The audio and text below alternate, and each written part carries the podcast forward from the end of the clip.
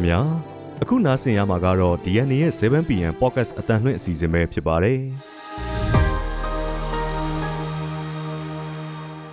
ဒီကနေ့ဒီဇင်ဘာလ28ရက်နေ့ရဲ့ Podcast အတန်လွှင့်အစီအစဉ်မှာတော့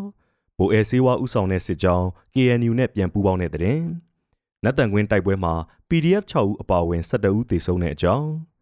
မြောက်ဦးခရိုင်ရဲစခန်းနဲ့တပ်စခန်းတစ်ခုကို AA သိမ်းပိုက်လိုက်တဲ့တဲ့တင် လောင်းလုံးကရွာတချို့ကိုစစ်တပ်စစ်ကြောင်းထိုးနေပြီးဒေသခံတချို့ဖမ်းဆီးခံထားရတဲ့တဲ့။ဒေါ်လန်ရေးတပ်တွေသိမ်းပိုက်ထားတဲ့ရွှေပြည်မြို့ကိုစစ်ကောင်စီထိုးစစ်ပြန်ဆင်နေတဲ့တဲ့။စတဲ့ပြည်တွင်းသတင်းများနဲ့အတူဇနီးနဲ့သားသမီးလေးဦးအသက်ခံရမှုအတွက်တန်တရားရှိသူပြင်သစ်အမျိုးသားကိုရဲတပ်ဖွဲ့ဖမ်းဆီးတဲ့တဲ့။ခရိုင်းမီးယားမှာရုရှားစစ်သည်မော်တစီယူကရိန်းလေကြောင်းတိုက်ခိုက်မှုကြောင့်ထိခိုက်ပျက်စီးတဲ့အကြောင်းစတဲ့နိုင်ငံတကာသတင်းတွေကိုနားဆင်ရမှာပဲဖြစ်ပါတယ်။ ဒီအစီအစဉ်ကိုတော့ကျွန်တော်မောင်သိန်းနဲ့အတူနန်းခမ်းတို့ကတင်ဆက်ပေးသွားမှာပဲဖြစ်ပါတယ်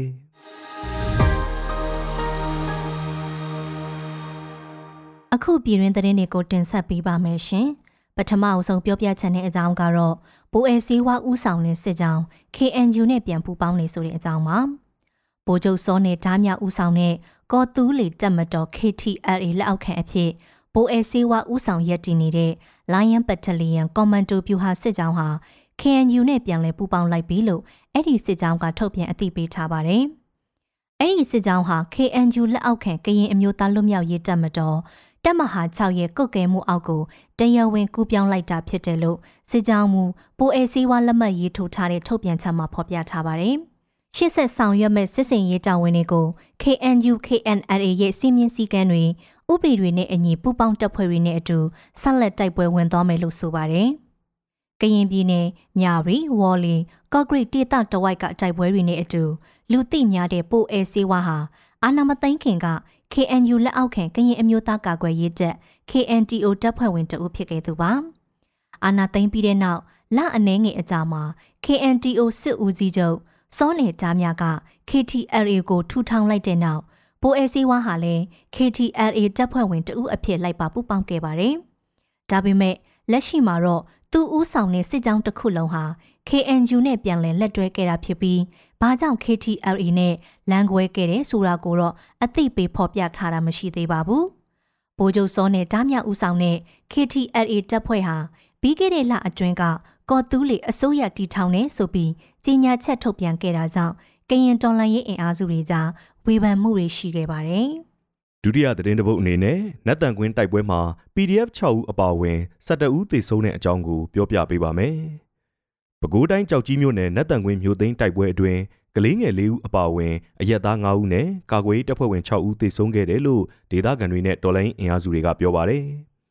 KNU, KNLA, ABSDF PDF ပူးပေါင်းတပ်ဖွဲ့တွေဟာမနေ့ကမနက်၄နာရီလောက်မှာနတ်တန်ဝင်းမျိုးကိုမျိုးသိန်းတိုက်ပွဲဖြစ်စတင်တိုက်ခိုက်ပြီးနှစ်ဖက်တိုက်ပွဲပြင်းထန်ကကြာဆုံးသွားတဲ့တော်လိုင်းရေးတပ်ဖွဲ့ဝင်6ဦးရဲ့အလောင်းနဲ့လက်နက်တွေတော့ပြန်မရဘူးလို့သိရပါဗျ။ လက်ရှိမှာတော့ညောင်လေးပင်ခရိုင်ပဲနွယ်ကုန်းမြို့နဲ့ကြောက်ကြီးမြို့ကြားမှာရှိတဲ့စစ်တောင်းမြစ်ကမ်းဘေးကစီရေးပြူဟာအရရေးပါတဲ့နတ်တန်ဝင်းမျိုးကိုကာကွယ်ရေးတပ်တွေကထိန်းချုပ်ထားနိုင်ပြီလို့သိရပြီးနယ်မြေရှင်းလင်းမှုတွေလုပ်နေတယ်လို့အမျိုးသားညီညွတ်ရေးအစိုးရလက်အောက်ခံ PDF တာဝန်ရှိသူတို့ကပြောပါတယ်။ကရင်မျိုးသားအစည်းအရုံး KNU ဗဟိုကတော့အဲ့ဒီတိုက်ပွဲနဲ့ပတ်သက်လို့မူးမြို့နယ်တဲကစစ်ကောင်စီတပ်စခန်း၃ခုကိုမနေ့ကတိုက်ခိုက်သိမ်းပိုက်ခဲ့ပြီးနတ်တန်ကွင်းအခြေစိုက်တပ်စခန်းတွေကိုဆက်လက်ထိုးစစ်ဆင်နေတယ်လို့ထုတ်ပြန်ထားပါတယ်။ နှစ်ဖက်တိုက်ပွဲတွေအတွင်းစစ်ကောင်စီကနတ်တန်ကွင်းမြို့အနီးတစ်ဝိုက်ကိုမနေ့ကတနေကုန်လေကြောင်းတိုက်ခိုက်မှုတွေလုပ်ခဲ့တာကြောင့်ဒေသခံထောင်ချီထွက်ပြေးတင်းရှောင်နေရပြီးကလေးငယ်၄ဦးအပါအဝင်အရက်သား၅ဦးသေဆုံးသွားတယ်လို့ဒေသခံတို့ကပြောပါတယ်။မြေပြင်အခြေအနေတွေရှုပ်ထွေးနေတာကြောင့်တေဆုံးသူတွေရဲ့အသေးစိတ်အချက်လက်တွေကိုတော့မသိရသေးပါဘူး။ ဒီကနေ့မနက်6နာရီလောက်ကတော့ပဲနွယ်ကုန်းဘက်ကစစ်ကောင်စီတပ်တွေဟာနတ်တန်ကွင်းမြို့ဘက်ကိုစစ်ကြောင်းထိုးလာတာကြောင့်တနအီနီးပါးကြာနှစ်ဖက်တိုက်ပွဲဖြစ်ပွားခဲ့ပြီးစစ်ကောင်စီဘက်ကအထိနာကပြန်ဆုတ်ခွာသွားတယ်လို့သိရပါဗျ။ဆက်လက်ပြီးပြောပြချက်တဲ့အကြောင်းကတော့မြောက်ဦးခရိုင်ရဲစခန်းနဲ့တပ်စခန်းတစ်ခုကိုအေးအေးသိမ်းပိုက်တယ်ဆိုတဲ့အကြောင်းပါ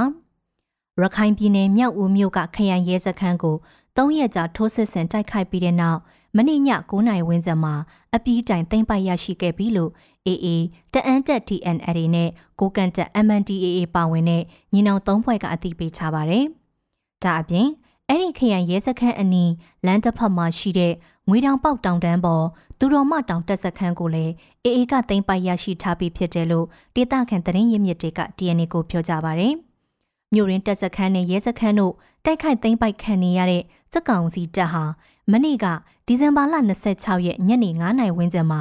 မြောက်ဦးမြို့တွင်ကိုဂျက်တိုက်လေယာဉ်နဲ့လဲလာရောက်တိုက်ခိုက်ခဲ့ပြီးတော့ရဲစခန်းအနီးကစစ်ကောင်စီရဲ့မြောက်ဦးခရိုင်ထွေအုပ်ရုံးမီလောင်ပျက်စီးခဲ့တယ်လို့ညီနောင်၃ဖွဲ့နဲ့ဒေသခံတွေကဆိုကြပါတယ်။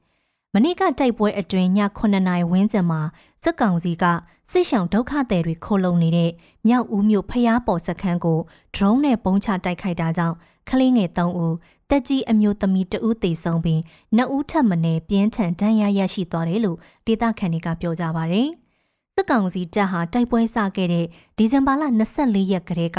မြောက်ဦးမြို့ပေါ်နဲ့အနီးတစ်ဝိုက်လူနေရက်ကွက်ကျေးရွာတွေစီကိုလက်နက်ကြီးပစ်ခတ်တာတွေနေ့စဉ်လုပ်နေခဲ့ပြီးတော့မနေ့ညနေအထိ3ရက်အတွင်းသေဆုံးသူ9ဦးဒဏ်ရာရသူ16ဦးရှိပြီလို့ညီနောင်၃ဖွဲ့ကထုတ်ပြန်ထားပါတယ်။ မြောက်ဦးမြို့တွင်အဝင်ငွေတောင်ပေါက်တောင်တန်းပေါ်တက်ဆွဲထားတဲ့စစ်ကောင်စီတပ်စခန်းနဲ့အဲ့ဒီအနီးကစစ်ကောင်စီလက်အောက်ခံခရိုင်ရဲစခန်းတို့ကိုရခိုင်တပ်တော် AA ကဒီဇင်ဘာလ24ရက်မနေ့အစောပိုင်းမှာဝင်ရောက်တိုက်ခိုက်ရာကနေမြို့ရင်းတိုက်ပွဲတွေစဖြစ်ခဲ့တာပါနောက်ထပ်သတင်းတစ်ပုဒ်အနေနဲ့လောင်းလုံးကရွာတချို့ကိုစစ်တပ်စစ်ကြောင်းထိုးနေပြီးဒေသခံတချို့ဖမ်းဆီးခံထားရတဲ့အကြောင်းကိုပြောပြပေးပါမယ်။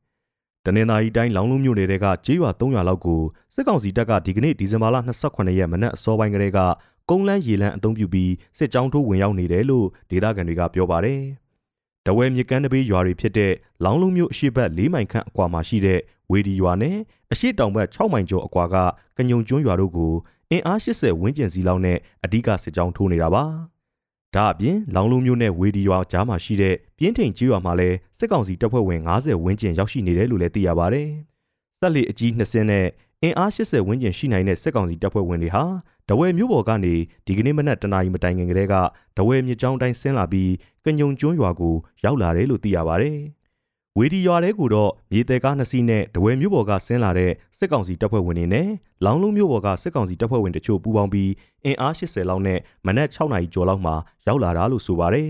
။အဲ့ဒီစစ်ကောင်စီတပ်ဖွဲ့ဝင်တွေဟာရွာတွေထဲစုံစမ်းရှာဖွေတာလူမရှိတဲ့နေအိမ်တချို့ကိုဖျက်ဆီးဝင်ရောက်တာတွေလုပ်နေပြီးဝေဒီကျွော်ထဲမှာတော့ဒီကနေ့မနက်7:00နာရီလောက်အထိအမျိုးသမီး၄ဦးနဲ့အမျိုးသား2ဦးထပ်မံဖမ်းဆီးခံထားရပါတယ်။ဆက်လက်ပြီးပြောပြချင်တာကတော့ တော်လန်ရစ်တက်တွေတင်ပိုက်ထားတဲ့ရွှေပြည်အေးမြို့ကိုစစ်ကောင်စီထိုးစစ်ပြန်ဆင်နေတယ်ဆိုတဲ့အကြောင်းပါတော်လန်ရင်အင်အားစုတွေတင်ပိုက်ထားတဲ့သကိုင်းနိုင်အထက်ပိုင်းဟုံးမလင်းမြို့နယ်ရွှေပြည်အေးမြို့ကိုစစ်ကောင်စီနဲ့ရှမ်းနီ SN ပူပေါင်းတပ်တွေကပြန်လည်ထိုးစစ်ဆင်တိုက်ခိုက်နေတယ်လို့ဟုံးမလင်း PDF တပ်ဖွဲ့ကအသိပေးထားပါတယ်စစ်ကောင်စီတပ်ရှမ်းနီအမျိုးသားများတပ်မတော် SNA နဲ့ဌာနေပြည်သူစစ်ပူပေါင်းတပ်တွေကရွှေပြည်အေးမြို့ကိုပြန်လည်ထိုးစစ်ဆင်နေတာကြောင့် တိုက်ပွဲတွေဟာပြင်းထန်နေတယ်လို့ဆိုပါတယ်။စကိုင်းတိုင်းအထက်ပိုင်းချင်းတွင်းမြစ်အရှိတ်ဘက်ကမ်းပေါ်ကရွှေပြည်အေးမြို့ကိုတော်လိုင်းရေးတပ်ဖွဲ့တွေကနိုဝင်ဘာလ23ရက်ကတည်းကသိမ်းပိုက်ခဲ့တာဖြစ်ပြီးတလကြော်ကြာချိန်လက်ရှိအထိဆက်လက်ထိန်းချုပ်ထားဆဲဖြစ်တယ်လို့သိရပါတယ်။ရွှေပြည်အေးမြို့ဟာ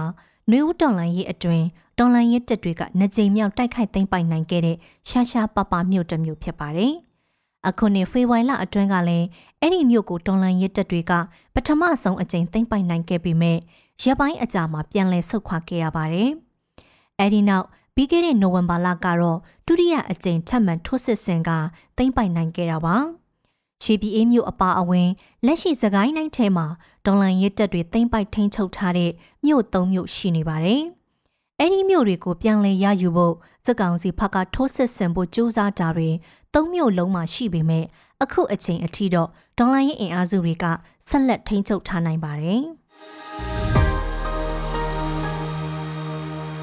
အခုဆက်လက်ပြီးတော့နိုင်ငံတကာသတင်းတွေကိုကိုမောင်သိန်းကတင်ဆက်ပေးပါမယ်ရှင်။ပြင်သစ်နိုင်ငံမှာအမျိုးသားတဦးဟာခရစ်စမတ်နေ့မှာဇနီးနဲ့သားသမီးလေးဦးကိုတပ်ပစ်ခဲ့ကြောင်းဆွဆွဲချက်နဲ့ဖမ်းဆီးခံထားရပါတယ်။ ပါရီမြို့တော်အရှေ့မြောက်ဘက်25မိုင်အကွာမှာရှိတဲ့မေယော့စ်မြို့ကတိုက်ခန်းတစ်ခုထဲမှာရုပ်လောင်း၅ခုကိုရှာတွေ့ခဲ့တဲ့နောက်ရဲတပ်ဖွဲ့ကတေမှုတေကင်းဆိုင်ရာစုံစမ်းမှုတွေအပူတပြင်းလှုပ်ဆောင်နေပါတယ်။တေဆုံးသူတွေဟာမိခင်ဖြစ်သူအမျိုးသမီးနဲ့အသက်10နှစ်ကနေ6လသားအရွယ်ထိကလေးငယ်တွေပါဝင်တယ်လို့ဒေသခံမီဒီယာတွေကဖော်ပြပါတယ်။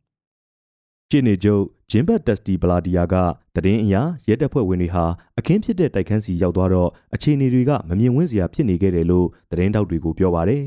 ။ရရဲတွေရောက်သွားတဲ့အခါတိုက်ခန်းကချိုးဖောက်ဝင်ရောက်ထားတဲ့လက္ခဏာမတွေ့ရသလိုကလေးတွေရဲ့ဖခင်ကအိမ်မှာရှိမနေခဲ့ဘူးလို့ဆိုပါတယ်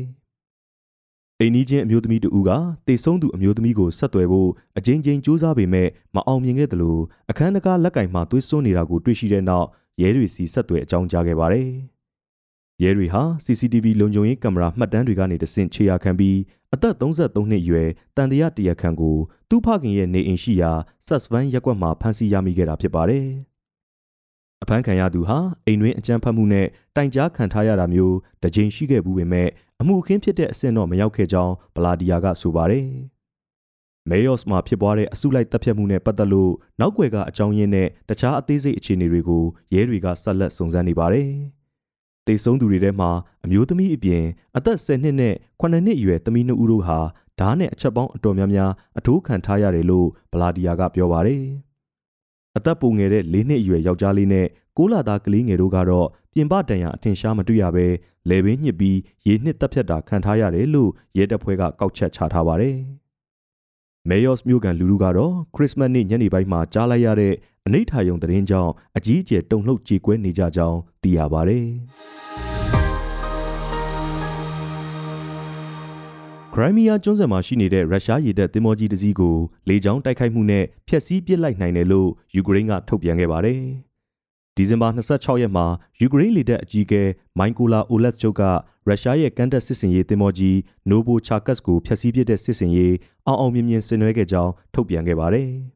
။အဲ့ဒီစစ်သင်္ဘောဟာ2014ခုနှစ်ကတည်းကရုရှားလက်ထဲကျရောက်ခဲ့တဲ့ခရိုင်းမီးယားကျွန်းဆွယ်မှာစိုက်ကက်ရန်နာထားတုန်းယူကရိန်းတိုက်လေယာဉ်တွေရဲ့ပဲ့ထိန်းဒုံးကြီးတွေထိမှန်ခံခဲ့ရတာဖြစ်ပါတယ်။ ရုရှားကလည်းခရိုင်းမီးယားရဲ့ဖီရိုဒိုရှာမြို့မှာရန်နာထားတဲ့စစ်သင်္ဘောတိုက်ခိုက်ခံရမှုသတင်းကိုနောက်ပိုင်းမှာအတည်ပြုခဲ့ပါတယ်။ဒါပေမဲ့ထိခိုက်ပျက်စီးမှုအတိုင်းတာဘလောက်ကြီးမားသလဲဆိုတာကိုတော့တိတိကျကျမသိရသေးပါဘူး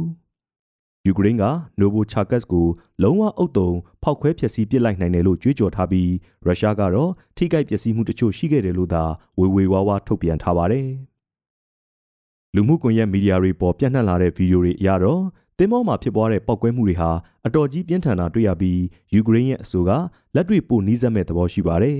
။ဂျိုရူးကနေရိုက်ကူးထားတဲ့ဓာတ်ပုံတွေကိုကြည့်ရင်လည်းကန်းဆက်မှာတင်းမောကြီးရှိမနေတော့ဘဲနစ်မြုပ်သွားပြီလို့ယုံကြည်ရတဲ့အခြေအနေတွေကိုတွေ့နေရပါတယ်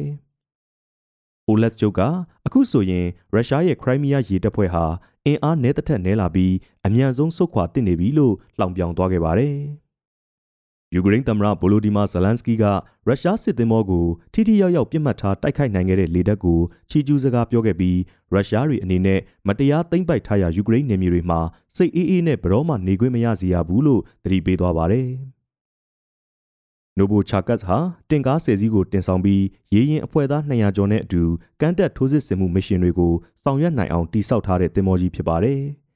ပေပေါင်း380လောက်ရှိပြီးတန်ချိန်3450လေးလံနဲ့တင်မောကြီးတိုက်ခိုက်ခံရတာဟာရုရှားရေတပ်အတွက်အကြီးကျယ်နစ်နာမှုတစ်ခုဖြစ်လာစေတာတန်တရားရှိဖို့မလိုပါဘူး။အခုဖြစ်စဉ်ဟာ2022ခုနှစ်ဧပြီလတုန်းကရုရှားပင်လယ်နက်ရေတပ်ဖွဲ့ရဲ့ကုံဆောင်အကြီးဆုံးစစ်သင်္ဘောကြီးမော့စဖာဖျက်ဆီးခံရမှုကိုပြန်လည်အမှတ်ရစေခဲ့ပါတယ်။အဲ့ဒီတုန်းကလည်းယူကရိန်းရဲ့ဒုံးကျည်တွေထိမှန်ရာက ပဲ့ထိန်ဒုံးကျည်တပ်တိုက်ရင်ကြီးမှာထိခိုက်ပျက်စီးမှုတွေအကြီးအကျယ်ဖြစ်ပေါ်ပြီးနစ်မြုပ်ခဲ့ရပါတယ်။ယူကရိန်းစစ်တပ်ဟာစက်တင်ဘာလတုန်းကလည်းနိုဘိုချာကတ်နဲ့ပုံစံတူအရွယ်တူတိစောက်ထားတဲ့ညီမသင်္ဘောမစ်ကိုခရိုင်းမီးယားမှာရှိတဲ့စီဗတ်စတိုပိုရေတပ်စခန်းမှာဖျက်ဆီးပစ်ခဲ့ပြီးဖြစ်ကြောင်းထုတ်ပြန်ထားပါတယ်။